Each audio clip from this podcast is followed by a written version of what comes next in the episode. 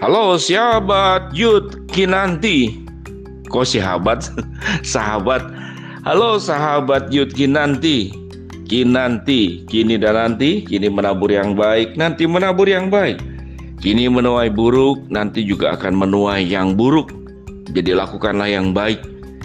Kita mau belajar hari ini Yaitu tentang korban PHP Pemberi harapan palsu jadi korban PHP, pemberi harapan palsu. Banyak korban-korban yang lain. Korban kecelakaan lalu lintas, korban penipuan online, korban modus daripada jual beli tanah. Wah, itu korban ya.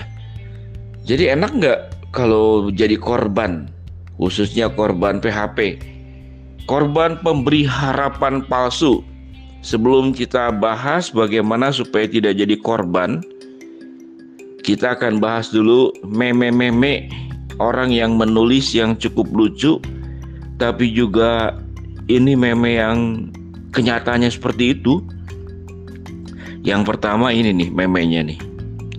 Maaf, aku bukan Hansa Plus atau Tenso Plus yang saat kamu butuhkan di saat terluka.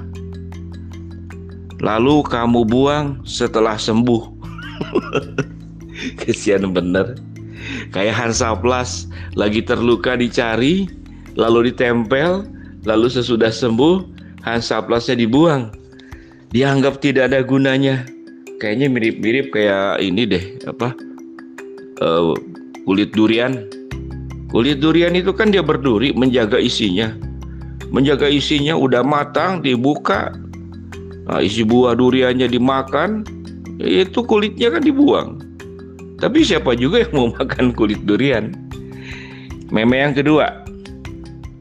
Janjimu janjimu seindah balon warna-warni tapi isinya angin. Janjimu se apa seindah balon balon yang berwarna-warni tapi isinya angin. Waduh, yang berikut nih. Ini fakta nih. Korban PHP eh, PHP itu karena kegeeran. Nah, ini yang nanti kita mau bahas. Korban PHP itu karena kegeeran. Jadi sebetulnya bukan orang itu yang memberikan harapan juga sih.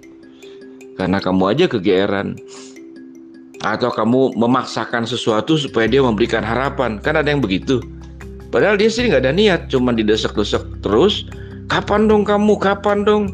Kapan jadian? Kapan jadian? Ya kita temenan aja. Ya jadian dong. Masa temenan aja? Kalau terus didesak-desak akhirnya dia terpaksa berjanji. Walaupun tidak ada niatan untuk berjanji kan? Kan begitu. Meme yang berikut. Nyesek itu Ya ini nih nomor 4 ya. Nyesek itu katanya minta waktu untuk kepastian. Jadi nyesek itu jadi mungkin kayak tadi itu kapan dong temenan terus? Kapan jadian? Ya saya minta waktu seminggu. Nah ini makanya ada kalimat nih. Nyesek itu katanya minta waktu kepastian seminggu misalkan. Eh pas hari haknya setelah satu minggu tidak ada kabar. dia hilang. Dikontak nggak dijawab. Takut. Aduh ketakutan. Karena apa? Karena tadi kegeeran. Ya karena kegeeran. Nih ada nih lagi nih. Yang nomor berapa nih? Nomor 5 PHP itu ambil kaleng biskuit.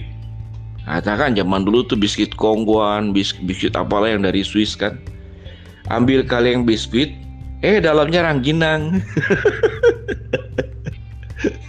Isi isi kale ambil kaleng biskuit dalamnya rangginang. Karena sering kali kaleng biskuit setelah dipakai isinya dimakan diisi lagi tuh dengan makanan-makanan kering. Tapi enak rangginang. Saya suka rangginang. Pakai nasi juga makannya enak. Kan ada yang rasa manis dan rasa asin. Yang terakhir nih PH, PHP itu PHP itu sakit sakit tapi tidak berdarah karena uh, bukan luka luka ke tubuh kita tapi luka di hati. Nah, kita sekarang bahas bagaimana supaya tidak jadi korban PHP. Yang pertama, tadi juga kan udah ada poin-poinnya. Yang pertama, jangan mudah baper. Yang tadi itu dibilang, ya jangan dikit-dikit, aduh kayaknya iya deh, dia tuh pasanganku, didesek-desek. Kapan jadian? Kok temenan aja? Ya jangan jangan ke apa? Jangan baper. Yang kedua, jangan bergantung sama orang.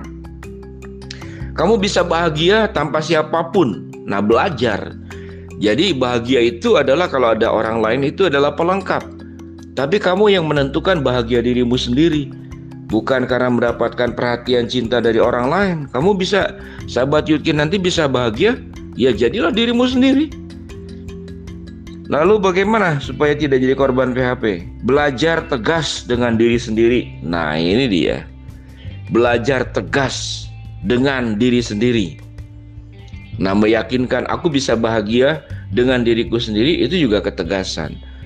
Kalau ada teman kira-kira atau ya teman dekat lah siapa pun juga yang kamu sangat menaruh harapan terlalu besar ke dia, ya kalau kira-kira nggak bisa diharapin ya cepet tegas, ya udah hentikan Hentikan jangan berharap ya tetap saja berteman.